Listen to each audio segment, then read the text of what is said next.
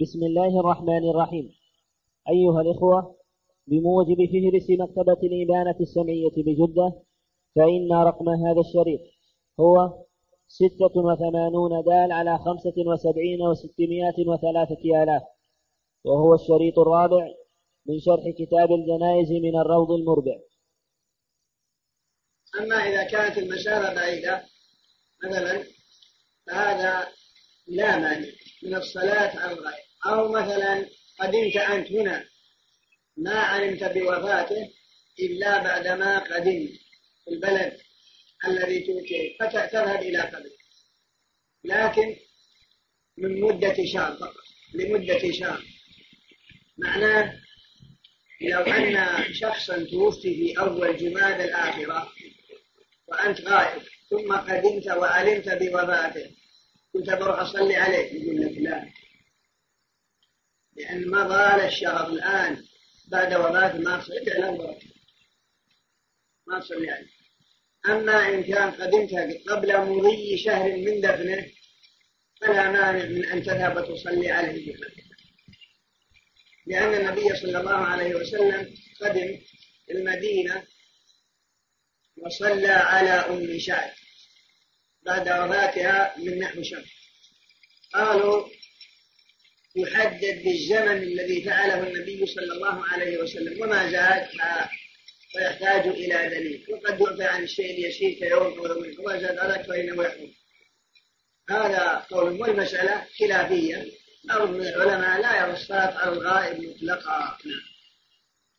ويصلي على غائب عن البلد ولو دون مسافة قصر فتجوز صلاة الإمام والآحاد عليه بالنية إلى شهر لصلاته عليه السلام على النجاشي كما في كما في المتفق عليه عن جابر.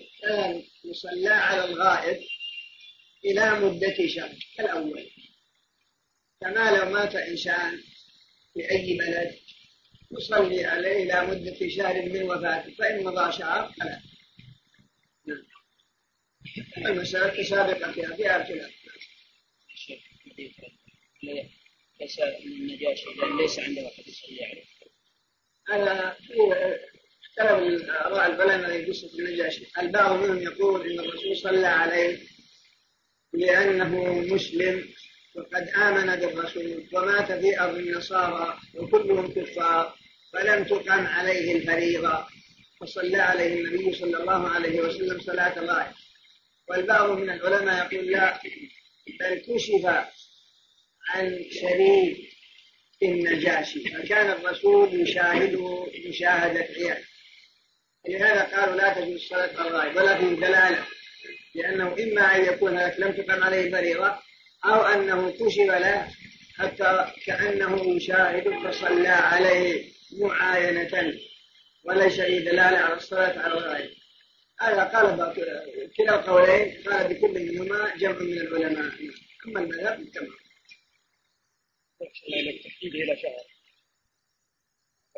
مستدلين بقصة أم سعد. قالوا الرسول صلى عليها بعد شهر. فما زاد يحتاج إلى دليل فنقتصر على مورد النص لكن المعارضون يقول هذا فعل. هذا مجرد فعل. والفعل لا يحدد به. الاحتمال أنه لو كان أكثر لصلى. لكن يقولون لا الاحتمال هذا يترك. إنما ما دام وإن كان فعل ما دام أن هذه المشاغلة هذا إلى هذا الزمن نقتصر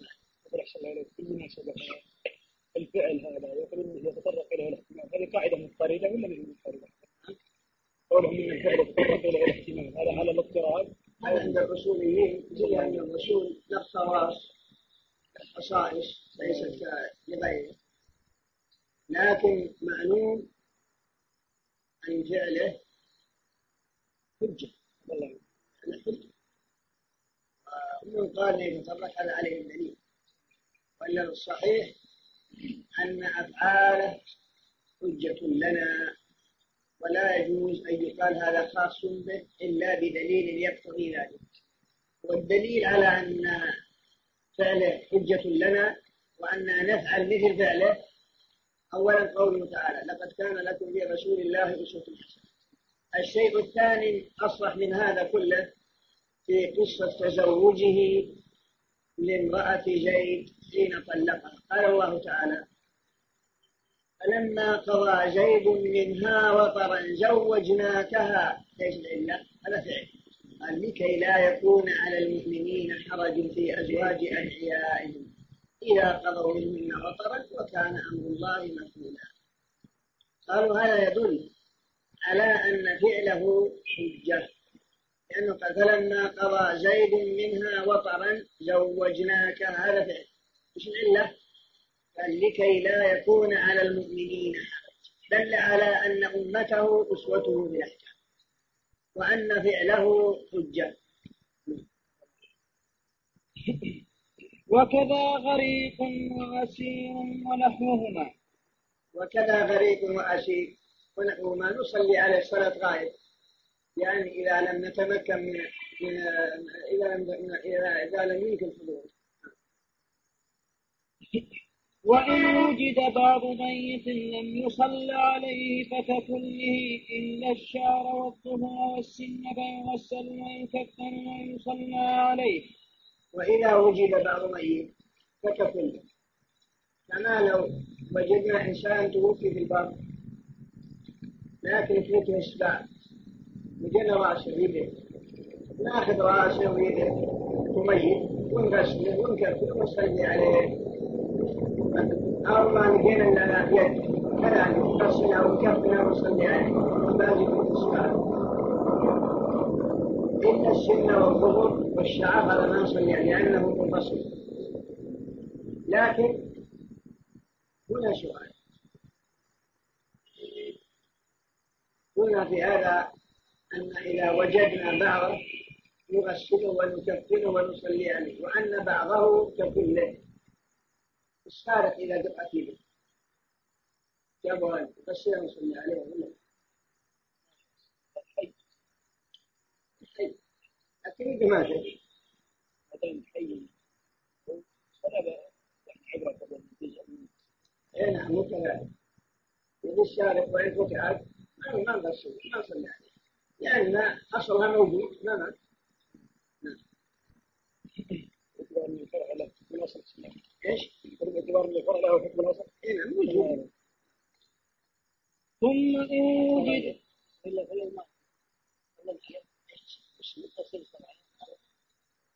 ثم إن وجد الباقي فكذلك ويدفن بجنبه ولا يصلى على مأكول ببطن آكل ولا مستحيل لو حصل سراية كله حصل سراية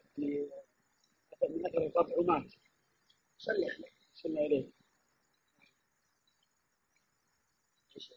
ولا يصلى على مأكول ببطن آكل ولا مستحيل بإحراق ونحوه. ولا يصلى على مأكول ببطن آكل. مثلا إنسان كلا الذئب مثلا الذئب كلا أو الأسد فيها ما ولا قراط كله في بطنه. ما ما مشكلة أو الذئب يصلي عليه في البطن. أو مثلا احترق. إنسان احترق صار في بيته ويعيش أو في كهرباء حتى صار ما نهائيا ما من شيء. ما نصلي على أبوه ولا على بعض حي مدة حياته هذا هذه المسألة الأولى. ولا نصلي على بعض حي مدة حياته. وفي هكذا حي ما نصلي عليه بالنسبة يا شيخ اللي يموتون في الحوادث تبقى قطع يموتون في حوادث السيارات. يبقى قطع حوادث السيارات. يبقى قطع من لحمهم في السيارة ما يقدرون يأكلون. شو من يعني صدم. في صدم. يعني يفكرون ويطلعون لا حتى يموت. يكون السيارة.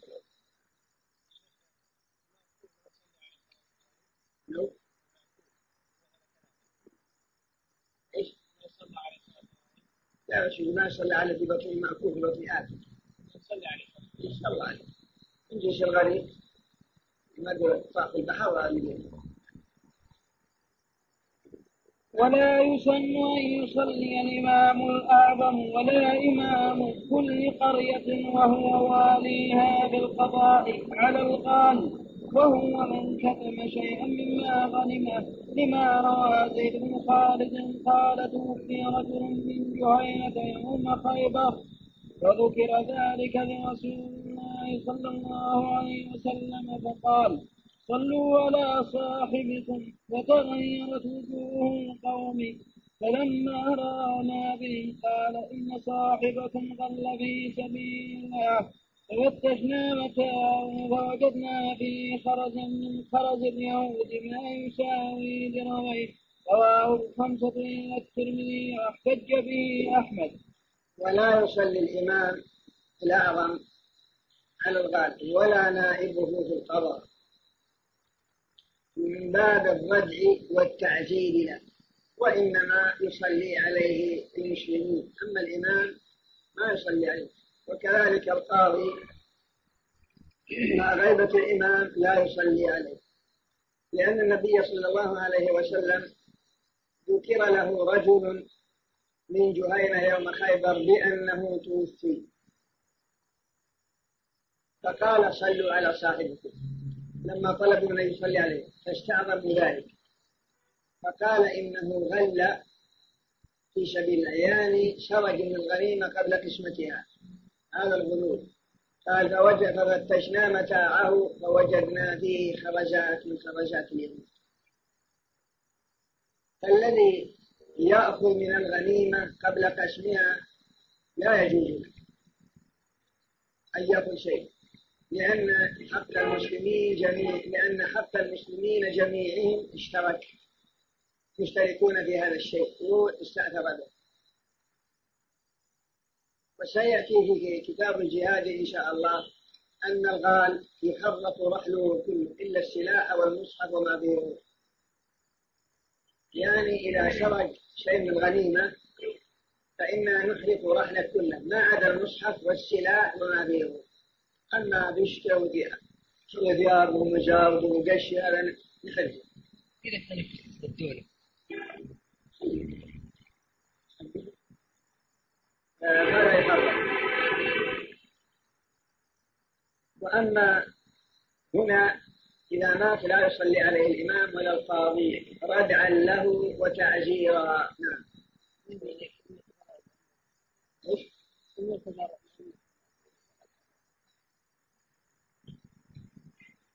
الأمير ولاية خاصة في مثل هذا. ولاية إنما الأمير مثل الشيخ المنفذ. والمقام مقام قوة. يمكن الأمير والمقام مقام التعجيل. هو يرجع إلى القاضي. لأن صلاة الأمير عليه لا تؤثر. أما إذا تخلف القاضي فهو في قلوب الناس أبلغ. من أن القاضي ما صلى عليه. فهو أبلغ في التعجيل وأنكى للغلو. لمتعاطي الغلو الذي يدخل بيت المسلمين إيش؟ الذي يدخل بيت المسلمين لا لكن ما يجوز. له لأنه مشترك ما هم مو مو بحكم حكم الغالب من كل وجه. لأن هذا فيه حقوق ما هي بيت المال. قال الله تعالى واعلموا أن ما غنمتم من شيء فأن لله خمسه وللرسول ولذي القربى واليتامى والمساكين وابن السبيل. إن كنتم آمنتم بالله. أما بيت المال هو للمسلمين جميعهم غنيهم وفقيرهم وأما الغنيمة هذه خاصة ذوي القربى للرسول لأن لله الخمس خمس الغنيمة. ثم الخمس الذي هو لله يجعل خمسة أخماس أيضا لقوة الجهاد وللفقراء لبني هاشم أقارب الرسول أما بيت المال مصرفه ليس كمصرف الغنيمة من فلوس ولا على قاتل نفسه عمدا لما روى لما روى جابر بن لكن جاء في بعض الأحاديث أن رجلا غل شرف من الغنيمة في أيام معاوية. وكتم ثم أخيرا تاب.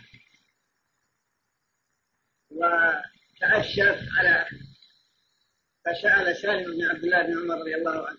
ماذا يصنع؟ فقال له هذا للمسلمين جميعا. فتصدق به عنهم لأن لا يمكن أن نأخذه منك بنصل حدودهم لكن تصدق به ويكون الأجر لهم. فكذلك قالوا من سرق من بيت مال المسلمين شيء فعليه أن يرده أو أخذه لا يحل له فعليه أن يرده فإن خشي على نفسه من الحكومة تقول نفسه ولا تقطع يده ولا تسجنه يتصدق به ويكون أجر للمسلمين جميعا لكل من له حق في بيت المال ولا على قاتل نفسه عمدا لما روى جابر بن سمرة أن النبي صلى الله عليه وسلم جاءوه برجل قد قتل نفسه بمشاقص فلم يصلي عليه رواه مسلم وغيره. والمشاقص جمع مشقص كمنبر نصر عريض أو سهم في ذلك أو نصر طويل أو سهم في ذلك يرمى به الوقت. ولا يصلي الإمام الأعظم ولا نائبه في القضاء على قاتل نفسه.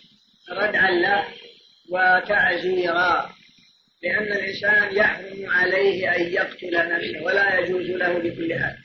فقد ذكر النبي صلى الله عليه وسلم برجل قتل نفسه بمشاقص من حديد فلم يصلي عليه.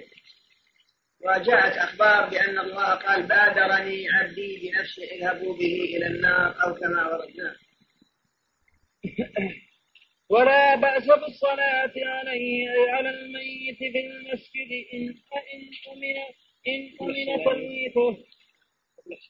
ذكر ذكر النووي في شرح في شرح مسلم. هذا منسوخ. في مسألة بناء الصلاة. قاتل نفسه. ذكر أحاديث.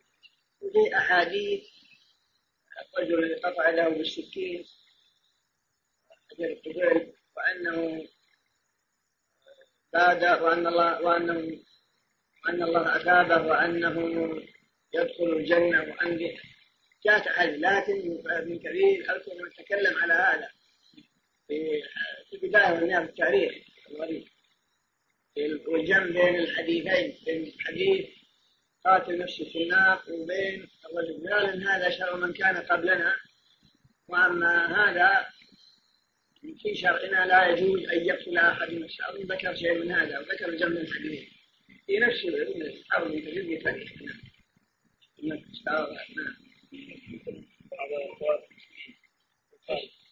طوائف المسلمين خاصة الذين يرفعون اجتهادات من الحكومات أو من غيره يعني يقوم مثلا الشخص يلغم نفسه ثم يلقي نفسه على مجموعة من أعدائه ليقتلهم ويقتل معهم.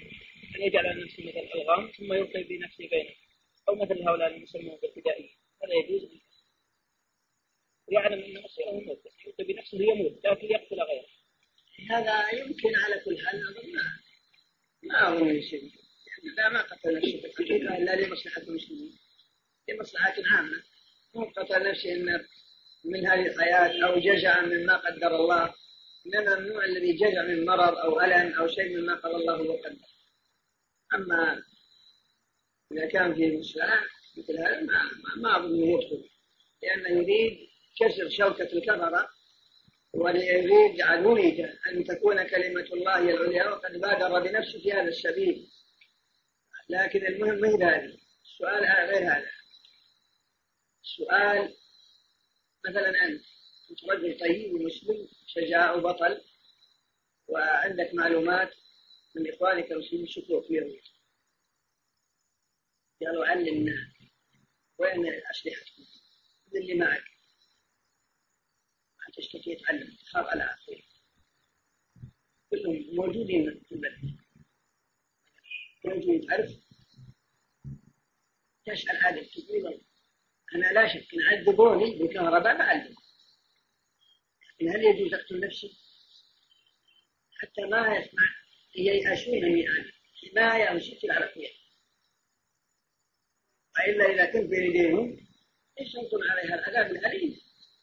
ما ما, ما عندي استطاعه إلا أن قتلت نفسي انسان بجد عندي ما بدل على شوكة المسلمين وعلى ما عندنا من الأسلحة وعلى زعماء إخواني أعمل؟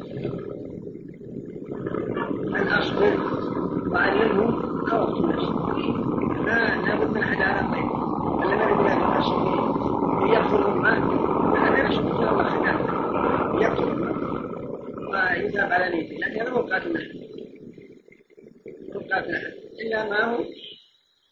قلنا على كل حال بعد ما في ما أنا مقصر بمجنن ولا ننتهي ماشي يعذبوني بالكهرباء بالعذاب الأليم يشووني حتى أدلهم فلو دلتهم على غلط يبقى يحضر ما هم يجيبون علي العذاب. شو يقول؟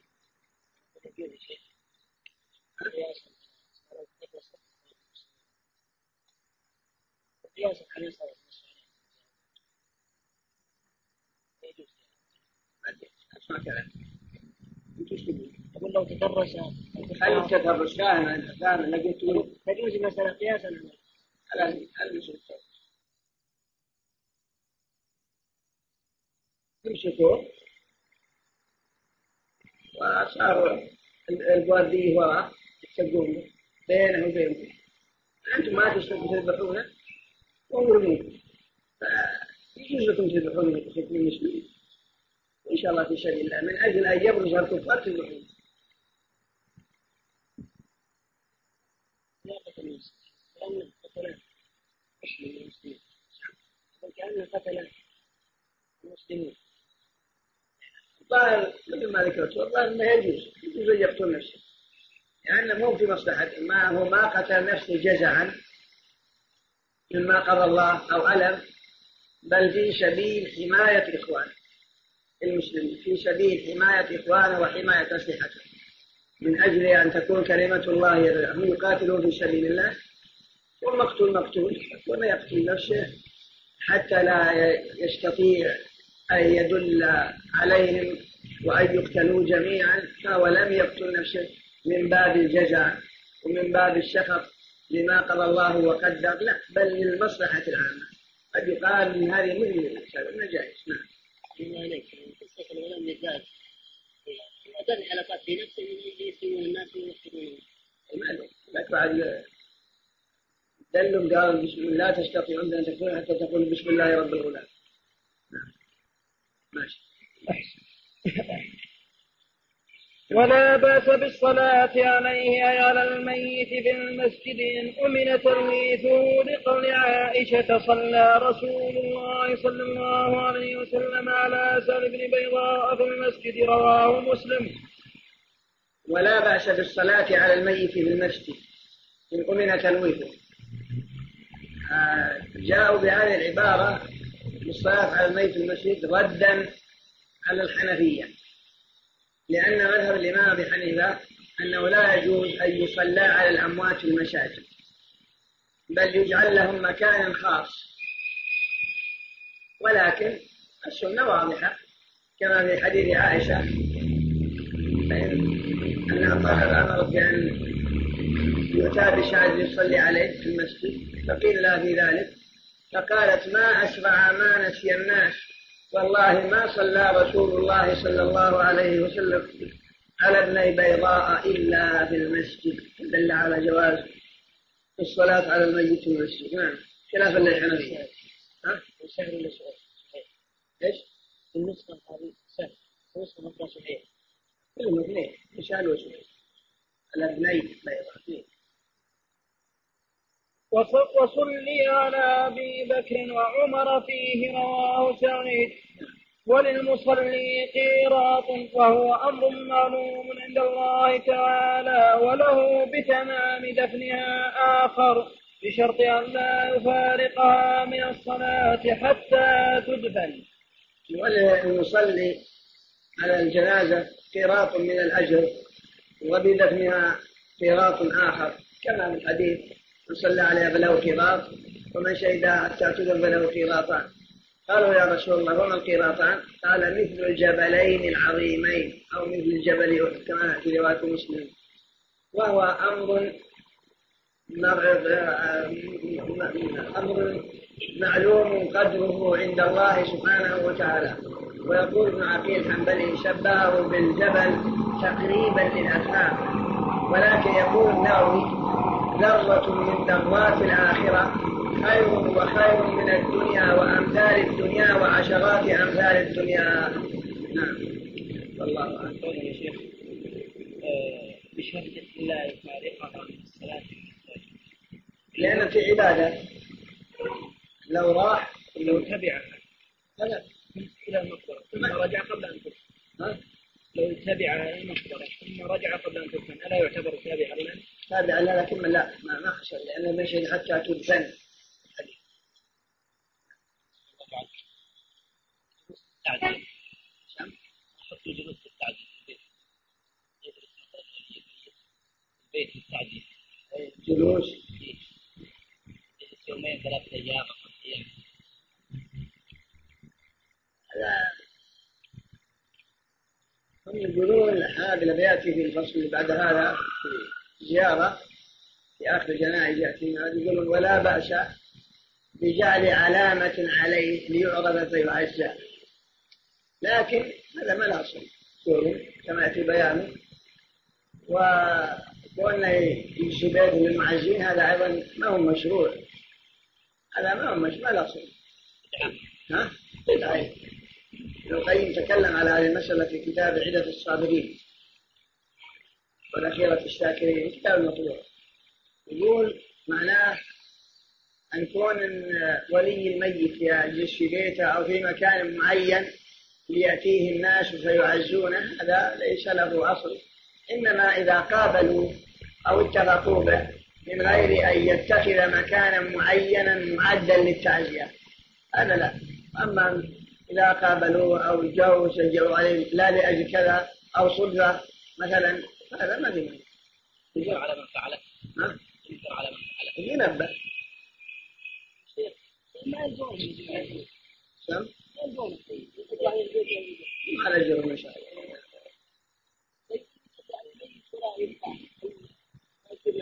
إلا لا قراءة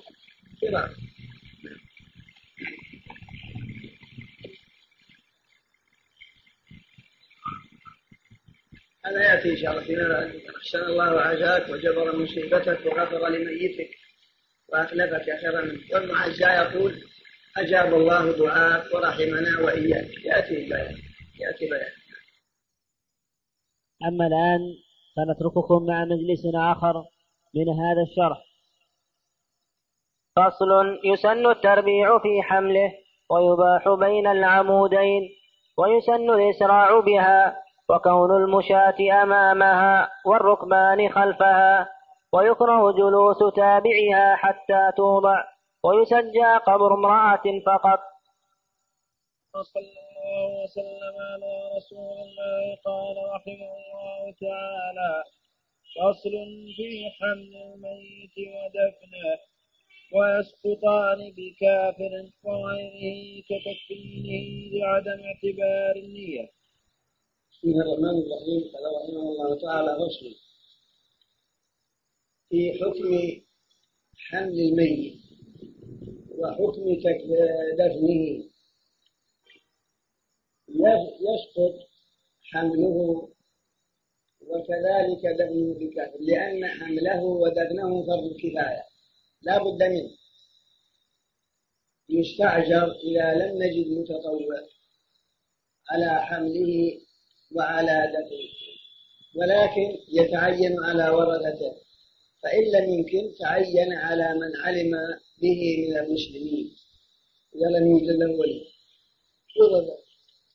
ثم لو تبرع كافر بأن كفنه أو تبرع كافر يهودي أو نصراني شال من الميت ما في أو مثلا دفن معنا لا مانع. لأنه لا يحتاج إلى نية وهذا بخلاف التغسيل الغاء الكافر لا يمكن أن يغسل المسلم لأنه لا بد فيه من نية والكافر لا نية له.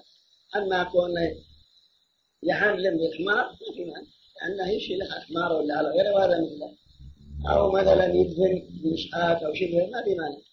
أما أو يكفن يدر لا ما في مانع. أما بالنسبة للتغسيل لأنه يحتاج إلى نية وكذلك الصلاة عليه هذا لا يصح.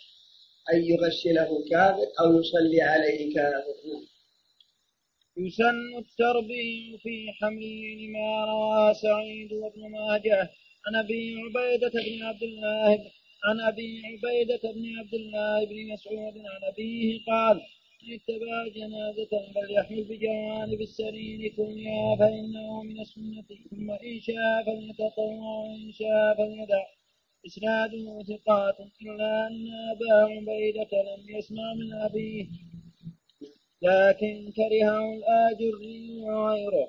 إذا ازدحموا عليها فيسن أن يحمله أربعة والتربيع أن يضع قائمة السرير اليسرى المقدمة على كتفه على كتفه الأيمن. ثم ينتقل إلى المؤخرة ثم يضع قائمته من المقدمة.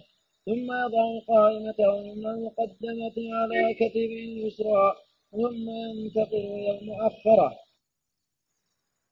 كذلك يسن التربيع فالنعش إذا حطيناه على الميت يسن أن نحمله مربعا لما روى سعيد بن ماجه عن أبي عبيدة عن أبيه.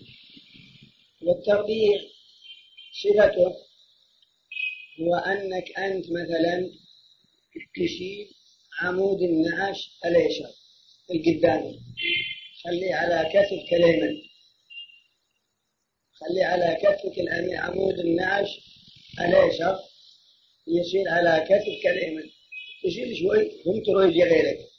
ثم تتأخر إلى المؤخر. ثم تجعل على كتفك الأيمن أيضا ثم تنتقل إلى المقدم الأيسر وتخلي على كتفك الأيسر. ثم تنتقل إلى الأيسر المؤخر تجعل على كتفك الأيسر. هذا صفة التربية وهذا سنة. إن أمكن طيب. وما أمكن فلا حرج. ولكن إن كثر الجمع ينبغي أن الإنسان يزاحم لأجل أن يعمل هذا العمل. نعم. ويباح أن يحمل كل واحد على عاتقه. ويباح أن يحمل كل واحد على عاتقه. ويباح أن يحمل كل واحد على عاتقه بين العمودين لأنه عليه السلام حمل جنازة سعد حمل جنازة سعد بن معاذ بين العمودين. ويباح كل واحد من الذين يحملون. يعني يباح لكل واحد من الحملة أن يحمله على عاتقه. يعني مع الوشر. لا يشترط العمود. يعني بمعنى لو تقدمت وصرت بين العمودين والتالي اللي وراك بين العمودين ما في معنى هذا هو المعنى.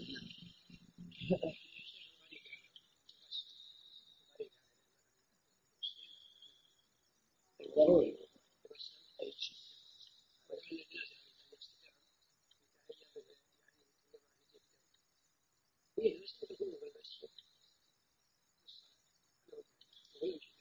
لا. لا ما يجوز. دخل المسجد ويمشي الغالب إذا ما شيء إن خارج المسجد. إذا كان بلو في المسجد دم في المسجد. يغسل حتى يقل الدم وإما أمكن يشدون الدم على مربوط ولا شيء إذا مات ما دخل وإن كان؟ إيش ان يحمل كل واحدة كل واحد؟ على عاتقه بين العمود يعني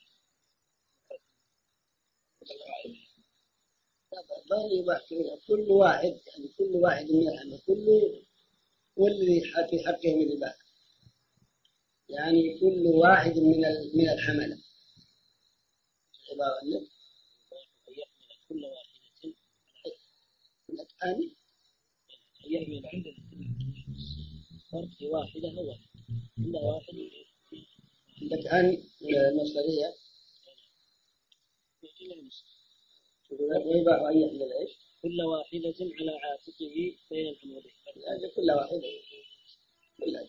نعم ويباح أن يحمل كلها تعود على ال- على القائل المحمول مو على مو على المحمول من النعش ويباح أن يحمل كل واحدة على عاتقه بين العمودين لأنه عليه السلام حمل جنازة سعد بن معاذ بين العمودين. وإن كان الميت طفلا فلا بأس بحمله على الأيدي. ويستحب أن يكون على نعش. والطفل لا بأس بحمله على الأيدي وإن جعل على نعش هو أولى.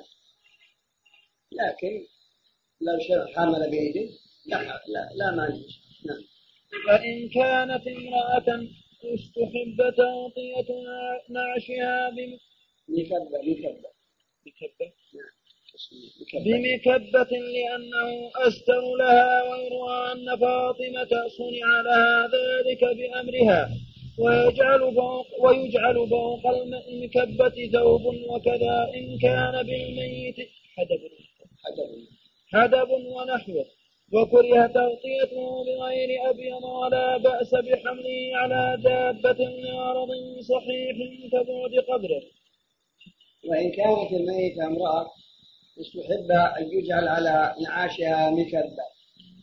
المكبة هي بكسر وهي تعمل من خوص أو من يعني تجعل فوقها من جنس القبة ثم يجعل فوقها قطعة من أبيض هذا معنى المكبة وهذا خاص بالمرأة واستدلوا على أن عائشة على أن فاطمة رضي الله عنها أوصت بأن يجعل على سريرها مكبة وكذلك أيضا آه، زينب بن جحش. صنعوا بها هكذا. قالوا هذا يدل على أنه هو الأولى في حق المرأة. وكذلك أيضا يباح حمله على دابة. فيما لو كانت المقبرة بعيدة. أو يحمل على سيارة. مثلا ميت. إذا كان حملة على النعش يتعب الناس كأن يكون محل القبر بعيد فلا بأس به نعم.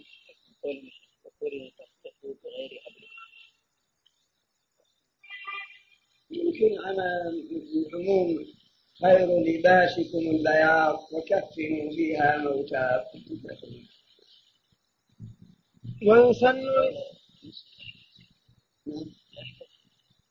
كذلك الأحدب يقول يقول لأنه يشيل. فإذا كان الإنسان أحدب يعني ظهر يوبس تنسي.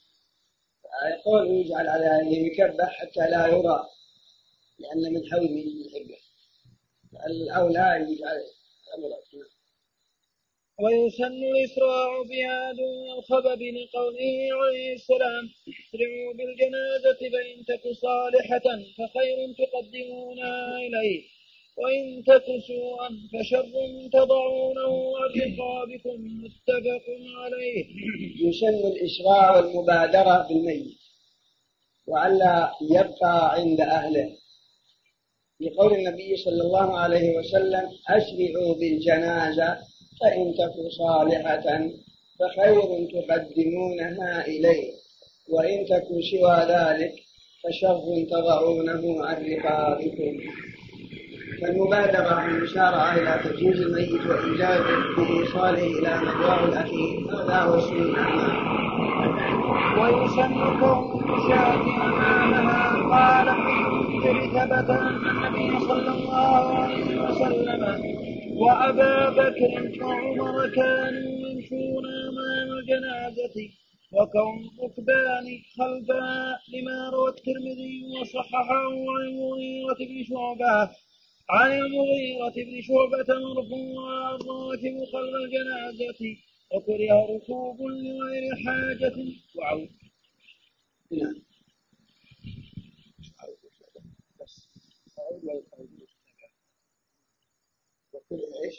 وكره ركوب لغير حاجة على كذلك والميت إذا مات ومعه المشيعون بعضهم على سيارات وبعضهم على رجلين فالمشاة يكونون أمامها قدام الميت وأصحاب السيارات يصيرون خلف. هذا هو السنة. السنة أن السيارات تكون خلف النعش خلف الميت. أما اللي يمشون يمشون أمامها قال ابن المنذر ثبت أن النبي صلى الله عليه وسلم وأبا بكر وعمر كانوا يمشون أمام الجنازة. ولحديث المغيرة بن شعبة كما هنا نعم.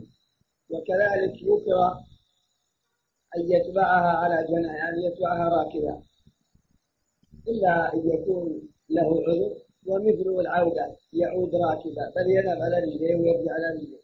اللهم إلا أن يكون آه، مشي لا يستطيع المشي كلبه أو مريض أو ما أشبه ذلك. لكن جاءت أحاديث أن النبي صلى الله عليه وسلم قدمت له دابة في حالة تشييع لجنائز بعض المسلمين فأبى. وقال ألا تستحيون أن تركبوا والملائكة تمشي على أقدامها؟ ثم لما فرغوا من دم جيء إليه بفرس وركبها وقال إن الملائكة ترى ما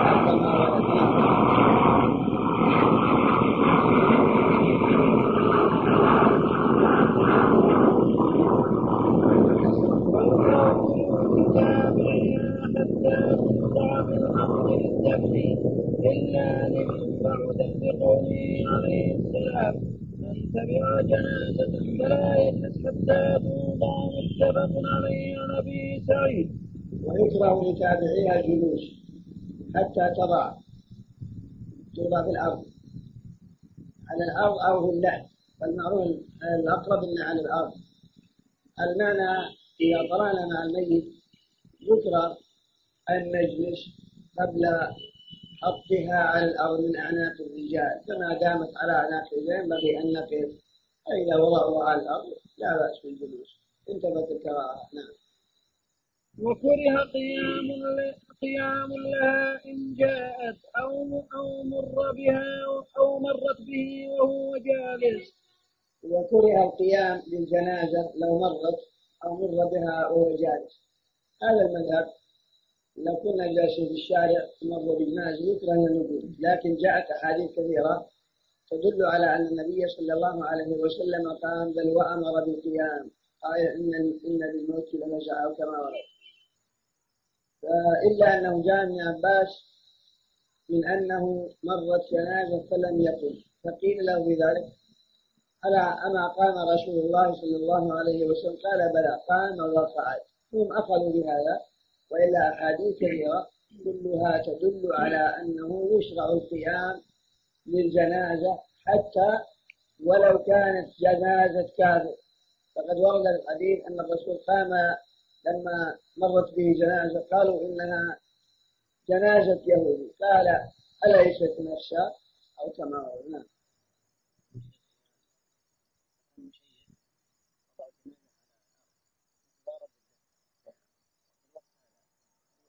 السنة أو وضع جنازة اجبارا للدفن مباح جائز أنا أقول العقائد السنية ما يعني يعني يجلس بعد ما توضع الميت ولا يوضع الجلوس هذا سنة يجلس حتى يحضر شيء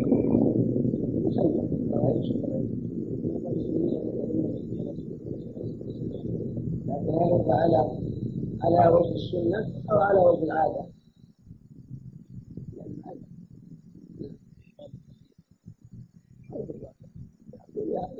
على وجه العادة.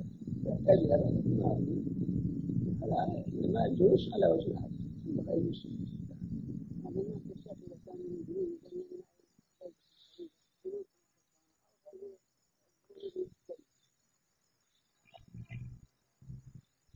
لا لا بعض لا يكره نقله ويوجد حيث القدر ولم ينقل فلا فلا حرج. اذا كان طلبا النقل لغرض صحيح.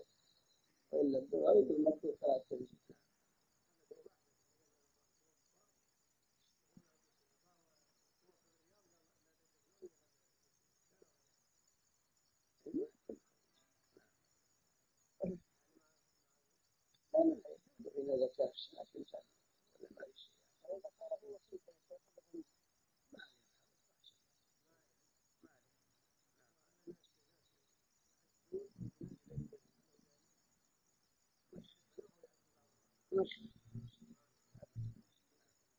ورفع الصوت معها ولو بقراءة وأن تتبعها امرأة. ويكره رفع الصوت مع الجنازة حتى ولو يقرأ القرآن. ويكره أن تتبعها المرأة أيضا. نعم. وحرم أن يتبعها نعم أن يتبع وحرم أن يتبعها مع منكر إن عجز عن إزالته وإلا وجبت. ويحرم أنك تشيع جنازة إذا كان معها منكر جاوز لا يجوز. إلا إذا كنت تستطيع إزالته بل يجب. حينئذ. ويحرم أنك تشيع جنازة إذا كان معها منكر جاوز لا يجوز. إلا إذا كنت تستطيع إزالته بل يجب. حينئذ. كأن يكون معها غنى أو دفوف أو ما أشبه ذلك.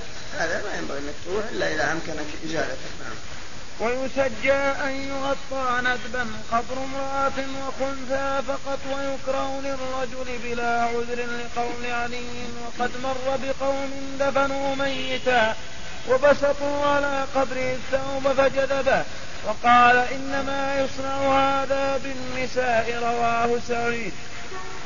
كذلك ويشجى قبر امرأة فقط معنى يشجى يعني يغطى. يغطى فم القبر بثوب ونحو إذا كانت امرأة. أما الرجل فلا. هذا يستدلون بخبر علي رضي الله عنه. نعم.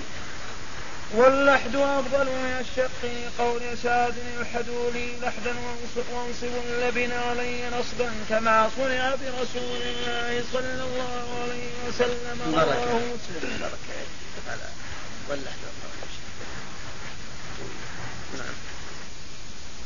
ننبه الإخوة المستمعين إلى أننا لم نحصل على شرح الشيخ لقول المؤلف واللحد أفضل من الشق إلى قوله ويكره الاتكاء إليه. لذا فإننا أتممناه بشرح فضيلة الشيخ محمد الصالح العثيمين على هذا المقطع من شرحه على زاد المستقنع. وستجدونه في الملحق الأول من الشريط الخامس من هذه المجموعة. أما الآن فنترككم مع مجلس آخر من هذا الشرح. ويحرم فيه دفن اثنين فأكثر إلا لضرورة. ويجعل بين كل اثنين حاجز من تراب. ولا تكره القراءة على القبر. وأي قربة فعلها وجعل ثوابها لميت مسلم أو حي نفعه ذلك. وسن أن يصلح لأهل الميت طعام يبعث به إليهم ويكره لهم فعله للناس. الحمد لله رب العالمين وصلى الله وسلم على أشرف الأنبياء والمرسلين نبينا محمد وعلى آله وصحبه. قال رحمه الله تعالى ويحرم في في قبر واحد دفن اثنين فأكثر معا معا أو واحدا بعد بعد آخر قبل بلاء السابق. لأنه قبل بلاء السابق لأنه عليه السلام كان يدفن كل ميت في قبر وعلى هذا استمر فعل أصحابه ومن بعدهم. بسم الله الرحمن الرحيم. قال رحمه الله تعالى ويحرم دفن اثنين فأكثر في قبر واحد إلا لضرورة. ككثرة الموتى أو كثرة القتلى بأن يحصل قتل في الناس في حرب أو مثلا يصاب الناس بطوائف فيكثر الموتى ولا نجد من يحفر لهم. لا بأس أن ندفن الاثنين والثلاثة في قبر للضرورة وإلا هذا يحرم لولا الضرورة. ثم إذا حصل نجعل بين كل اثنين حاجز تراب كأنه في قبر واحد. وكذلك مثل لو دفنا شخصا في قبر يحرم أن ندفن معه آخر قبل بلائه يعني قبل أن يكون ترابا. فمثلا هذا القبر دفناه في زين وانتهى حرام علينا أن ندفن عمر معه حفظ دخل معه. إلا إذا كان زيد قد فني ولم يبق له عظم ولا أي جسم. بل كان ترابا. هذا لا بأس به. لأنك تعرف أن المقبرة يجوز استعمال المقبرة بأن تكون مزرعة أو نبني عليها بيوت. نسكنها إذا تحققنا أن الأموات صاروا ترابا نهائيا. ولم يكن بها أي عظم ولا أثر جثة. فإذا صاروا تراب جاز لنا استعمال المقبرة بما نراه من من مزرعة أو نخل أو عرش أو بناء بيوت أو ما أشبه ذلك. أما ما دام فيها أثر ميت كعظم أو رأس أو يد أو ولو كان باليا فهذا لا يجوز. فكذلك القبر لا يجوز أن يدفن مع الميت ميت آخر قبل بلائه وكونه ترابا نعم. ما هو الدليل؟ على يعني كون المقبرة إذا تحقق بين من صار ترابا لازم مزرعة. ما هو الدليل؟ الدليل يقولون الآن أصبح تراب. وزال عنه حكم المقبرة. ولو أبقيناها دائما كان جميع الأرض كلها من جعبه مثل ما قال أبو العلا المعري. في قصيدة وإن كان لا يوافق لكن يقول رب لحد قد صار لحدا مرارا ضاحك من تزاحم الأضداد ثم ذكر بعد أبيات يقول وين عاد وين ثمود؟ نعم. نعم. إلا لضرورة ككثرة الموتى. نعم. إيش؟ لا لا تختلف. الأرض الباردة تبطئ والأرض الحارة تأكل ميت على إذا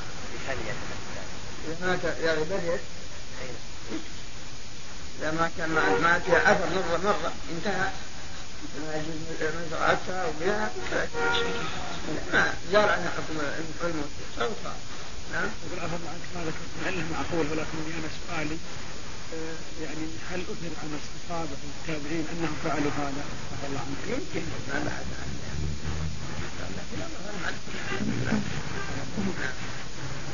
إلا لضرورة ككثرة الموتى وقلة من يدفنهم وخوف الفساد عليهم لقوله عليه السلام يوم أحد ادخلوا الاثنين والثلاثة ادخلوا الاثنين والثلاثة في قبر واحد رواه النسائي كذلك إلا إذا كثر الموتى وخشي الفساد ولم نجد من يحفظ لهم فإنه يدخل الاثنين والثلاثة.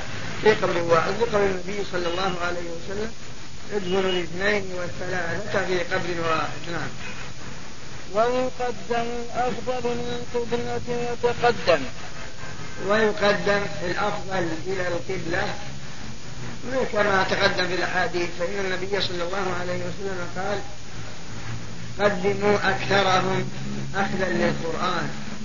لما قالوا له لا يقدم الأفضل يكون من جيش الإمام والمفضول يصير وراء. فهذا الأفضل الفاضل نوجه القبلة ونجعل حاجز ونجيب الثاني ونخلي وراء وراء الهرج بينهم حاجز من تراب. ويجعل بين, ويجعل بين كل اثنين حاجز من تراب ليصير كل واحد كأنه في قبره منفرد. نعم. نعم قبر منفرد؟ يعني في قبر منفرد هذا حاجز؟ يعني مكتوب في قبره منفرد. لا نعم. وكره الدفن عند طلوع الشمس وقيامها وغروبها. وكره الدفن عند طلوع الشمس وقيامها وغروبها. مستدلين بحديث عقبة نعم قال ثلاث ساعات نهانا رسول الله صلى الله عليه وسلم أن نصلي فيهن وأن نقبر فيهن موتانا حين تطلع الشمس.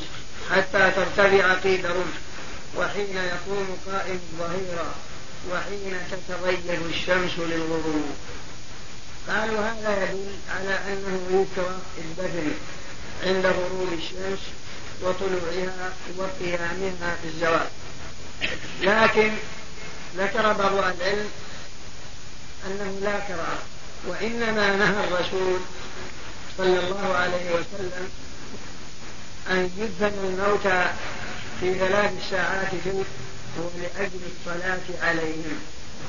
أما إذا لم يصلى عليهم فلا ينبغي أن يصلى عليهم عند طلوع الشمس وعند قيامها وعند غروبها. أما إذا سبق أن صلوا عليها ولكن لم يتيسر الدم إلا عند بدو حاجب الشمس فهذا لا بأس لأن مجرد دفن الميت في هذا الوقت لا محذور منه. لكن الرسول نهى أن يدفن تنبيها على النهي عن الصلاة عليه في هذا الوقت هذا هو رأي شيخ الإسلام ابن تيمية. أحسن إليك إذا اعتبرنا الصلاة على عليهم من ذوات الأسباب نعم إيش؟ إذا اعتبرنا الصلاة عليهم من ذوات الأسباب والجنازة هل يكره في هذه الأوقات؟ من اي نعم يكره. ولو اعتبرنا من ذوات الأسباب الأمر يورد النص بتعيينها هذا رأي الشيخ. مع أنه يرى. الأسباب يقول لي أن النص ورد أما الآخرون فهم لا يجيزون ذوات الأسباب مطلقها في أوقات النيل وأقوالهم وجهة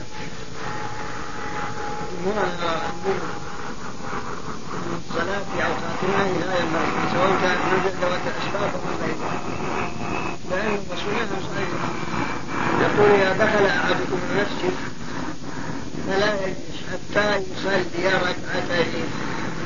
يقولون هذا الحديث يدل على أنك إذا دخلت في وقت النهي تصلي لعموم قول إذا دخل أحدكم المسجد فلا يجلس حتى يصلي ركعتين. فالحديث عام بعمومه يشمل حتى أوقات النهي هذا رأي الشيخ. الجمهور الحنابلة وغيرهم يقولون لا. هذا الحديث عام لكنه مخصص بحديث لا صلاة بعد صلاة العصر حتى تغيب الشمس ولا صلاة بعد صلاة الفجر حتى تطلع الشمس. هذا الحديث مخصص لعموم حديث إذا دخل أحدكم المسجد. فلا ينبغي الصلاة في أوقات النهي بل إذا دخلت في المسجد لهذا الحديث. فإن قلت مثلا لو قلت كيف نجعل حديث أبي هريرة مخصص لعموم حديث أبي قتادة إذا دخل أحدكم المسجد؟ ما نجعل حديث أبي قتادة هو المخصص لعموم حديث لا صلاة. وما فهمت فالشيخ يقول بل حديث أبي قتادة مخصص لعموم حديث لا صلاة. فنقول لا صلاة بعد صلاة العصر حتى تغيب الشمس. لكن هذا العموم يقول الشيخ خصصه إذا دخل أحدكم المسجد. فمختلفون النظرين. فالمانعون يقولون لا؟ لا يصلح أن يكون حديث أبي قتادة مخصص لعموم حديث لا صلاة لأن حديث لا صلاة في وقت معين لا صلاة بعد صلاة العصر حتى تغيب الشمس. هذا معين. وحديث إذا دخل أحدكم المسجد هذا عام. هذا عام. فيكون المعين المحدود مخصص للعموم المطلق. لا أن العام المطلق مخصص للمحدود المعين. وما في نعم نعم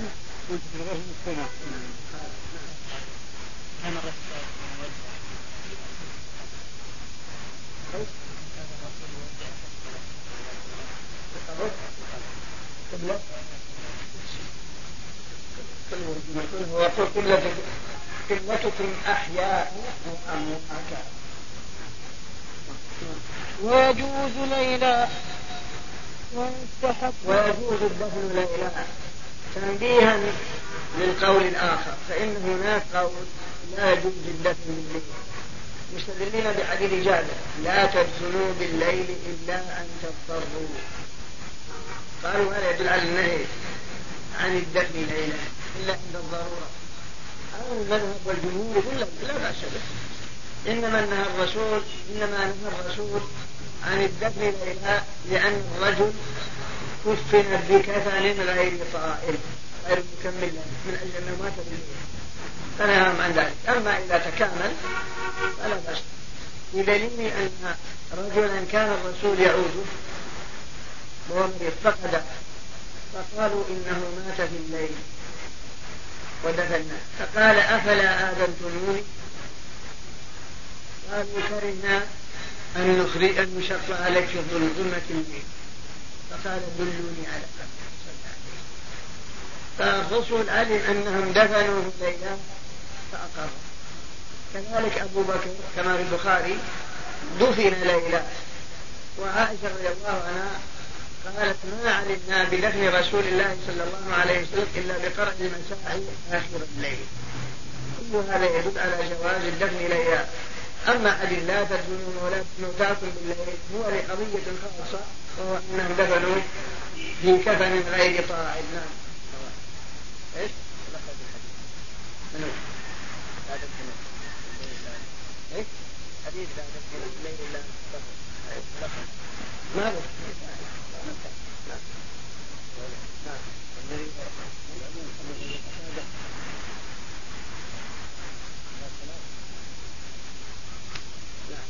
لا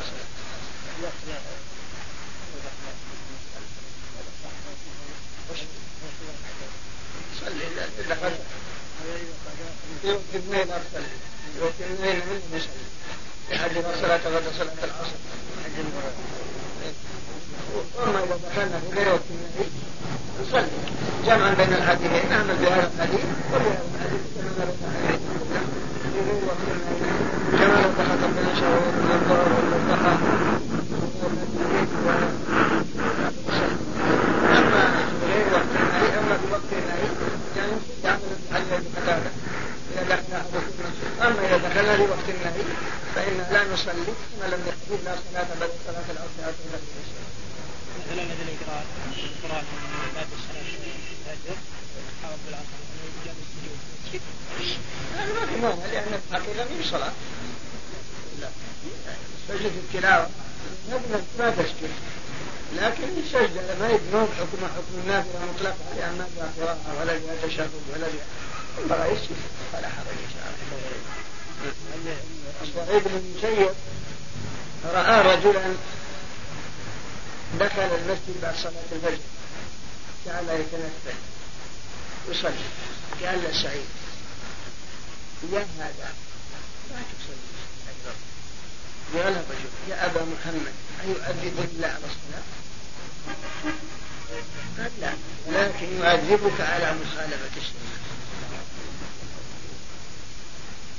ويستحب جمع الأقارب في بقعة تسهل زيارتهم قريبا من الشهداء والصالحين لينتفع بمجاورتهم في البقاع الشريفة. ويستحب جمع الأقارب في مكان واحد ليسهل زيارتهم من الأحياء يعني كأن يكون أقاربك في موضع معين متقاربين حتى إذا أردت أن تخرج بالسلام عليهم فيكون أسهل وكذلك تكون معهم فأبناؤك أيضا يكونون أسهل لهم عندما يريدون السلام. وينبغي أن يدخلوا بجوار أناس صالحين. يعني أنك إذا دفنت بقبر بجوار رجل صالح فإنك تستأنس به وترتاح له. وإن كان لا ينفعك إلا عملك الصالح. لكنك تتأذى من أهل الشر كما كنت تشتر وتتنعم بمجاورة الصالحين. ولهذا اختار أبو بكر وعمر رضي الله عنهما أن يدفن مع النبي صلى الله عليه وسلم بجواره. وقد ذكر ابن رجب وغير ابن رجب ذكر ابن أبي وغيرهم حكايات منامية حول هذا الموضوع. فمن جملة ما ذكروا قالوا إن زبيدة امرأة صالحة ولها من المحاسن والمآثر الشيء الذي سيجازيها الله من الأعمال الخيرية. وقد توفيت. فرؤيت ذات ليلة في النوم قال أحد العلماء وإذا وجهها أصفر قيل لها ما هذه الصفرة؟ التي علت على وجهك قالت إن بشر المريشي توفي ودفن عندنا. فزفرت له جهنم زفرة اصفرت منها وجوه أهل المقابر فهم يتأثرون بأهل الخير كما أنهم يستاءون بمقابلة أهل الشر ولو ولو وصى لأن بشر هذا من رؤوس الجهمية المعتزلة ومن رؤوس الملائكة. ونقلوا عنه إنه كان يقول في سجوده أنت تقول سبحان رب الأعلى سبحان رب الأعلى. وهو يقول في سجود سبحان رب الأسفل سبحان رب الأسفل. بناء منه على أن الله حال في كل مكان. نعم. هؤلاء في الشر هؤلاء يقولون لا ما ما عليهم وجه. كما أن أن في نعمة ولكن لمجاورة في الدنيا لمن يشير إليك ويتعب يستعمل ولا ما تأتي إليه كذا. يتأذى بفعله ولا من عمله. في يوم من الأيام مصحف لا حق شو يسوي ما يفعل العمل الصالح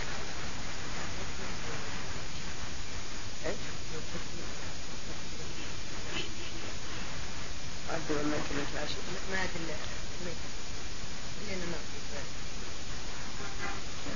سلم عليها ما تعرف سلم على الأمور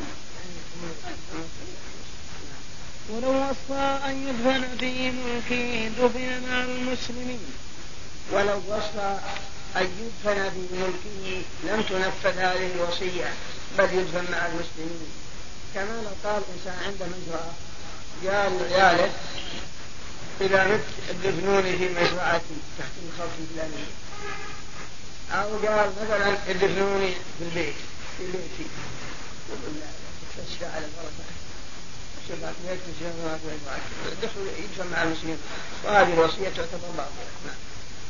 ومن سبق إلى مسبلة قدم ثم يقرأ وإن ماتت ذمية حامل من مسلم دفنها مسلم وحدها إن أمكن.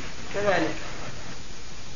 وإن سبق إلى أرض مسبلة فهو أحق. وإلا أكره. مثلا الأرض المسبلة للمقبرة ما عاد إلا قبر واحد أنت فيها قبر وسبقت أنت بقدم يا أحد من الحقيقة ما دام أنك قرأت عليها ليل لو جاء إنسان بيحب فإن تشاويتما أطيع بينكما. وإن ماتت ذمية حامل بمسلم. دفنت وحدها إن أمكن ما تجمع مسلم لأن جنينها مسلم وهي كافرة ولكن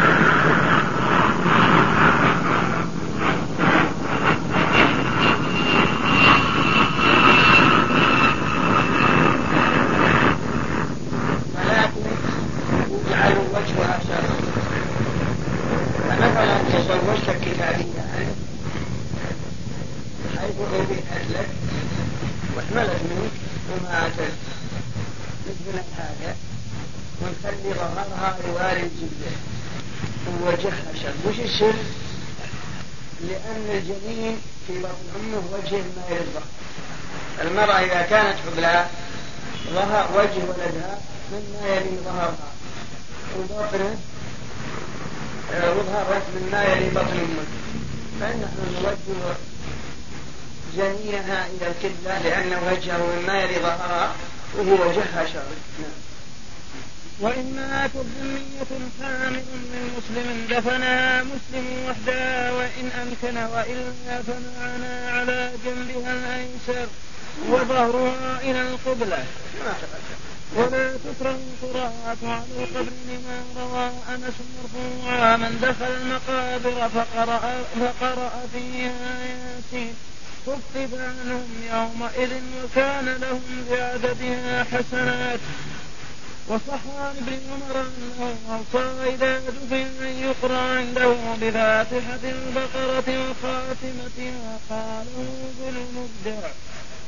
ولا تكره القراءة على القبر يعني معنى هذا أنك تقرأ سورة ياسين في المقبرة وأنه يخفف عنهم فلهم من الحسنات بقدر حروبها وقالوا إن ابن عمر أوصى أن يقرأ عند قبره بفاتحة الكتاب وخواتيم سورة البقرة. نعرف أن هذا بدعة. لا أصل له وإن قالوا فإنه لن يصح في شيء عن النبي صلى الله عليه وسلم. ولا ينبغي القراءة على القبر ولا القراءة في المقبرة نهائيا كل هذه من البدع. وهذه آثار لا صحة لها. ومعلوم لو أن الرسول صلى الله عليه وسلم قال ذلك لتناقله الناس لأن هذا مما تتوفر الهمم والدواعي على نقله. وكثير من الصحابة يموتون في عهده صلى الله عليه وسلم. وما نقل أنه قرأ سورة ياسين. ولا أنه أمر الصحابة أن يقرأوا ولا عرف عن أحد من الخلفاء الأربعة ولا غيره إنما هذه آثار لا صحة لها إنما الذي صح وأنك تدعو له كما دعا النبي صلى الله عليه وسلم لعثمان بن مظعون قفوا عند قبر أخيكم واسألوا له التربية واستغفروا له واسألوا له التربية فإنه الآن ما وانك تقرا تبارك أو ياسين أو البقره كل هذه من البدع التي لا أصل لها. نفس السياق.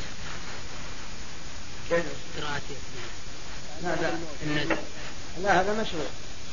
هذا جاء في الحديث أن النبي صلى الله عليه وسلم يقول اقرأوا على موتاكم يعني على قراريكم قالوا لأنها تسهل خروج الروح تسهل خروج الروح لأن ياسين اشتملت على ذكر النبوة واشتملت على المبدأ والمعاد واشتملت على بيان عقائد المسلمين. فهي تسهل خروج الروح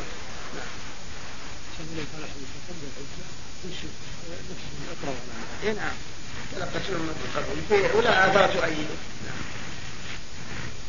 وأي قربة من دعاء وسؤال وصلاة وصوم وحج وقراءة وغير ذلك فعلى مسلم وجعل ثوابها لميت مسلم أو حي نفعه ذلك. قال أحمد الميت يصل إليه كل شيء من الخير النصوص الواردة فيه. ذكره المجد وغيره حتى لو أهدى النبي صلى الله عليه وسلم جاز وصل إليه الثواب وأي قربة فعلها المسلم الحي من دعاء واستغفار وثواب قراءة وأضحية وغير ذلك أهداها لحي من مسلم حي أو ميت نفعه ذلك. كما نقول اللهم اغفر لوالدي اللهم ارحمه الله إذا قبل دعاءك يصله الثواب أو تصدقت وجعلت ثواب هذه الصدقة لوالدتك أو لمن تحب الله إذا قبلها تصل يصل الثواب. أو ختمت القرآن ثم بعدما قرأت قلت اللهم اجعل ثواب ما قرأته لفلان. أو طفت قلت اللهم اجعل ثواب ما طفت لفلان. كل هذا يصل إلى الميت. بدليل أن الدعاء يصل إليه اتفاقا قال الله تعالى والذين جاءوا من بعدهم يقولون ربنا اغفر لنا ولإخواننا الذين سبقونا بالإيمان. دل على بقوله ربنا اغفر لنا ولإخواننا الذين سبقونا بالإيمان دل على أن الثواب يصل وكذلك سعد قال يا رسول الله إن أمي استلفت نفسها وأظنها لو تكلمت تصدقت أفأتصدق عنها؟ قال نعم. وكذلك قول النبي صلى الله عليه وسلم إذا مات ابن آدم انقطع عمله إلا من ثلاث ذكر منها صدقة جارية أو ولد صالح يدعو له. أو علم ينتفع به بعده. كل هذا مما يدل على أن الثواب يصل إلى الميت. وبقي قول حتى لو أهدى الثواب للنبي صلى الله عليه وسلم فإنه يصير الثواب يعني كما لو أهديت إلى الرسول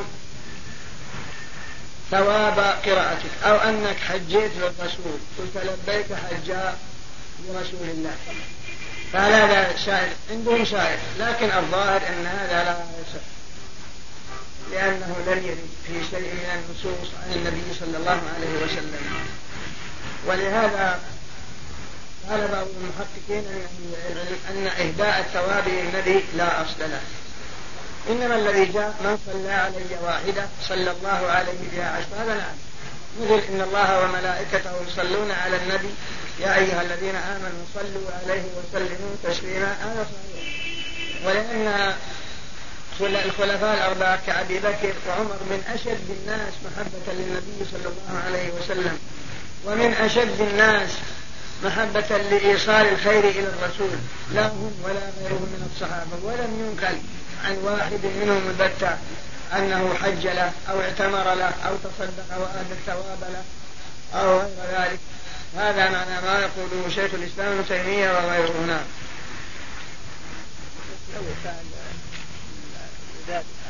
إيش؟ بقصد انها له يفعل العبادة. بقصد انها له ثم بدا له ان فيها. هذا عاد خلاف هل يشترط النية عند ابتداء الفعل أو يصح بها ولو بعد ما انتهى. من حتى ولو بعد ما انتهى عند النهاية. لكن أو لا عند الابتداء. نعم. ويسن أن يصنع لأهل الميت طعام يبعث به إليهم ثلاثة أيام لقوله عليه السلام يصنعون لآل جعفر طعاما فقد جاءهم ما يشغلهم رواه الشافعي وأحمد والترمذي وحسنه. يشغلهم شغلة يشغل. وسن آه وهذا كثير ما يفعله الحجازيون عندما يموت عندهم ميت يطلعون الكراسي يجون يسيدون ويحطون ذبائح ولايم وهذا دخل على الناس من عادات الأعاجم دخل لأنهم اعتادوا في بلادهم ثم يسكنون مكة وهم أعاجم ثم جعلوا يفعلون ثم صارت الناس العاجم وغير الأعاجم وإلا هذا كله لا أصل له نعم. هل المراد بالكراهة كراهة التحريم؟ نعم. المراد بالكراهة كراهة التحريم؟ لا عندهم كراهة التنجيل لكن لا شك أنه تحريم عندهم من ناحية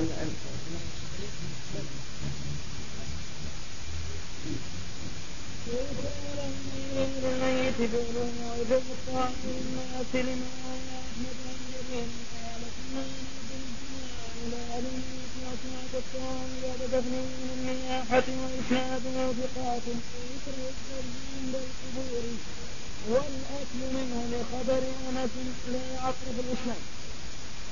لا أحمد إسناد صحيح وفي معناه الصدقة عند القبر الزرع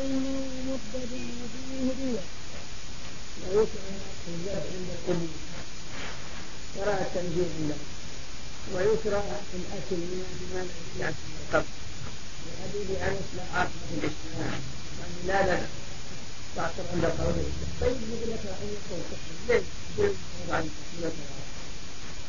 لا شك أن الذبح عند القبور محرم.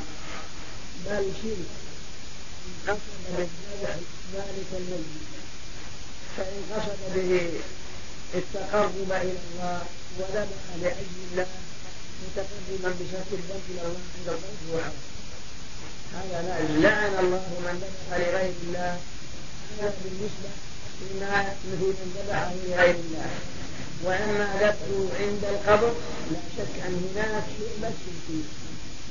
الذي خصص الذبح عند قبر هذا الميت إلا أنك تريد التوصل إلى هذا الميت أو لبن من الأمور المحرمة بل ويحرم أكلها لهذا الحديث لا أصل فهذا يحصل التحريم وجاء وجاءت والرسول صلى الله عليه وسلم حسن مواد الشرك ونوعها وحسن البدع. التي توصل اليه أو المقربه منه وكذلك الصدقه عند القدر تطلب الأسود يوم فرع من دلنا الله تعالى فقراء شرف ولي سريان سريان سريان هي بدعة لا يجوز ولا يجوز نعم.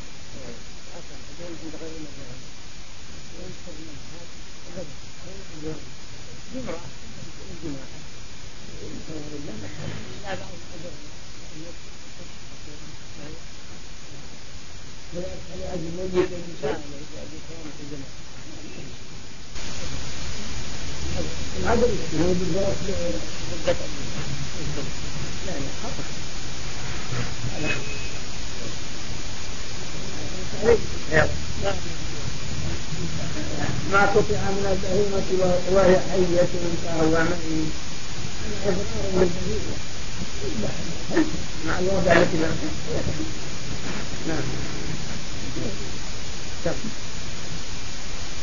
ننبه الإخوة المستمعين إلى أننا لم نحصل على شرح الشيخ لقول المؤلف لكن تسن زيارة القبور. إلى قوله واغفر لنا ولهم لذا فإننا أتمناه بشرح فضيلة الشيخ محمد الصالح العثيمين على هذا المقطع من شرحه على زاد المستقنع وستجدونه في الملحق الثاني من الشريط الخامس من هذه المجموعة. أما الآن سنترككم مع مجلس آخر من هذا الشرح. وتسن تعزية المصاب بالميت ويجوز البكاء على الميت ويحرم النبي والناحة وشق الثوب ولطم الخد ونحوه. الحمد لله رب العالمين على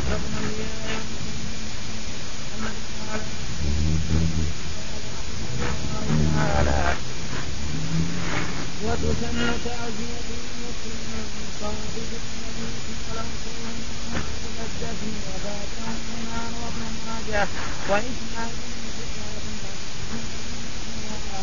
ما للمؤمن أن يخاف بمصيبة ما كساه الله من الإنسان يوم القيامة وتسن تعزية المصاب بميت المسلم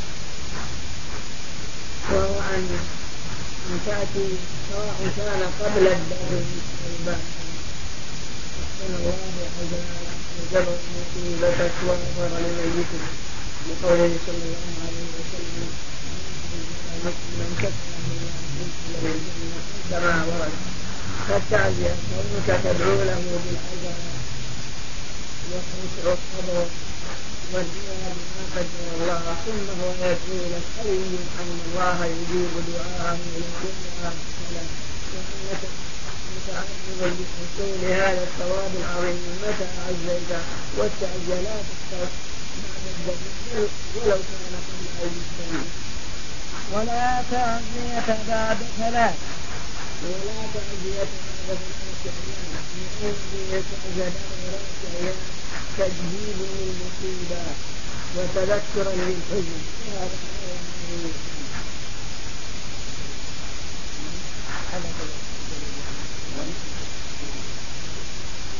ويقال من صاحب مسلم واجرك واحسن عزاءك وغفر لميتك وبكافر اعظم واجرك واحسن عزاءك وتحمي توفية كافر كذلك فيقول الحزين احسن الله عزاء وجبر مصيبتك وغفر لميتك ثم يرد عليه يقول أجاب الله دعاءك ورحمنا وإياك وكذلك عزيت مسلما بقريب له كافر. أن يكون زاد مسلم لكن أبوه كافر فحزيت تقول له أعظم الله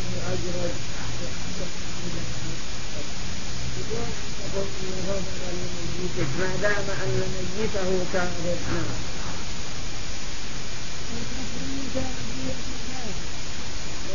تعزية كافر مكافر إذا مات فلا فلا تفعل لقرب من المصائب تتوالى عليه وكره تكرارها ويكره تكرارها الزين الحكيم إذا عزيت مرة بدون أن تردد الشر وعزيز ويرد ويرد استجاب الله دعاك ورحمنا وإياك وإذا جاءت التحية من كتاب ردها وقت وإذا جاءت التحية في كتاب ردها على المسيح جاءت حق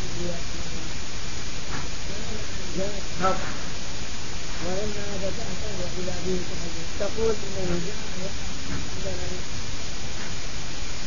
جاء أحسن الله أجاب الله دعاء يعني ورحمنا وإياه لمن جاء بالكتاب ويجوز أولينا بظاهر النبي صلى الله عليه وسلم وعيناه تدمعان وقال ولا بحزن القلب ولكن يعجب بهذا وأشار إلى متفق عليه وعليه على وجه رحمة الله كما على النبي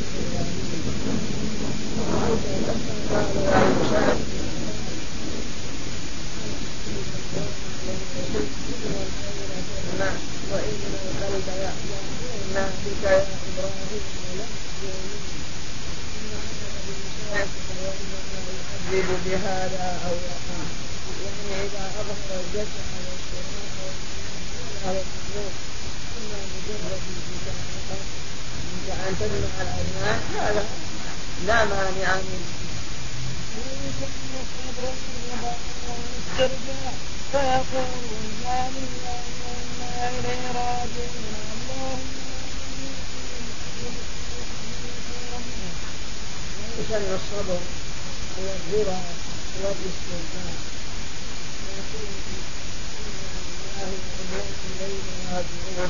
اللهم اجبرني في مصيبتي واخلف وقول الإنسان الصبر الصبر النفس وكف وكفها وكف الجوارح عما يدخل الله هذا هو الصبر يمسك لسانه عن التكلم بما لا يجوز وجوارح كشف الثوب والمهد والرضا درجة أعلى من الصبر فإنه يتسع لما قدر الله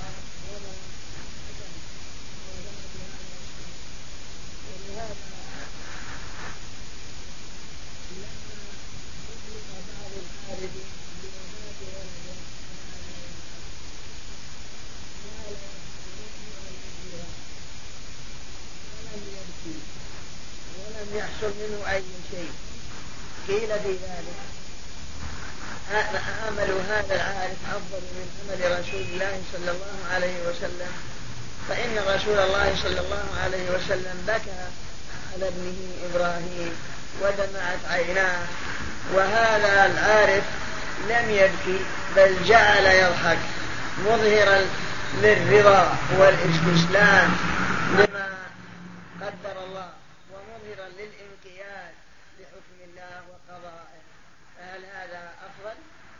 اجاب بعض العلماء عن هذا فقال لا فهذا العارف لم يتسع قلبه للصبر والرضا جميعا والبكاء بل جعل يعالج نفسه مظهرا للرضا. أما الرسول فإنه وإن بكى فقلبه مملوء الرضا بما قدر الله مستسلما لحكم الله وقدره بدون أن يحصل من جوارحه أو من قلبه أي تأثر ما فهو جمع بين البكاء الرحمة على الميت وبين الرضا. بخلاف هذا العارف فإن قلبه لا يتسع لغير الرضا فلهذا جعل يضحك نعم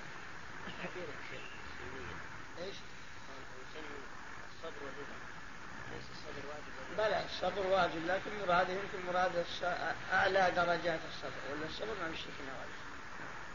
لأن الصبر إذا كان مجرد الكف عن المحرم هذا واجب.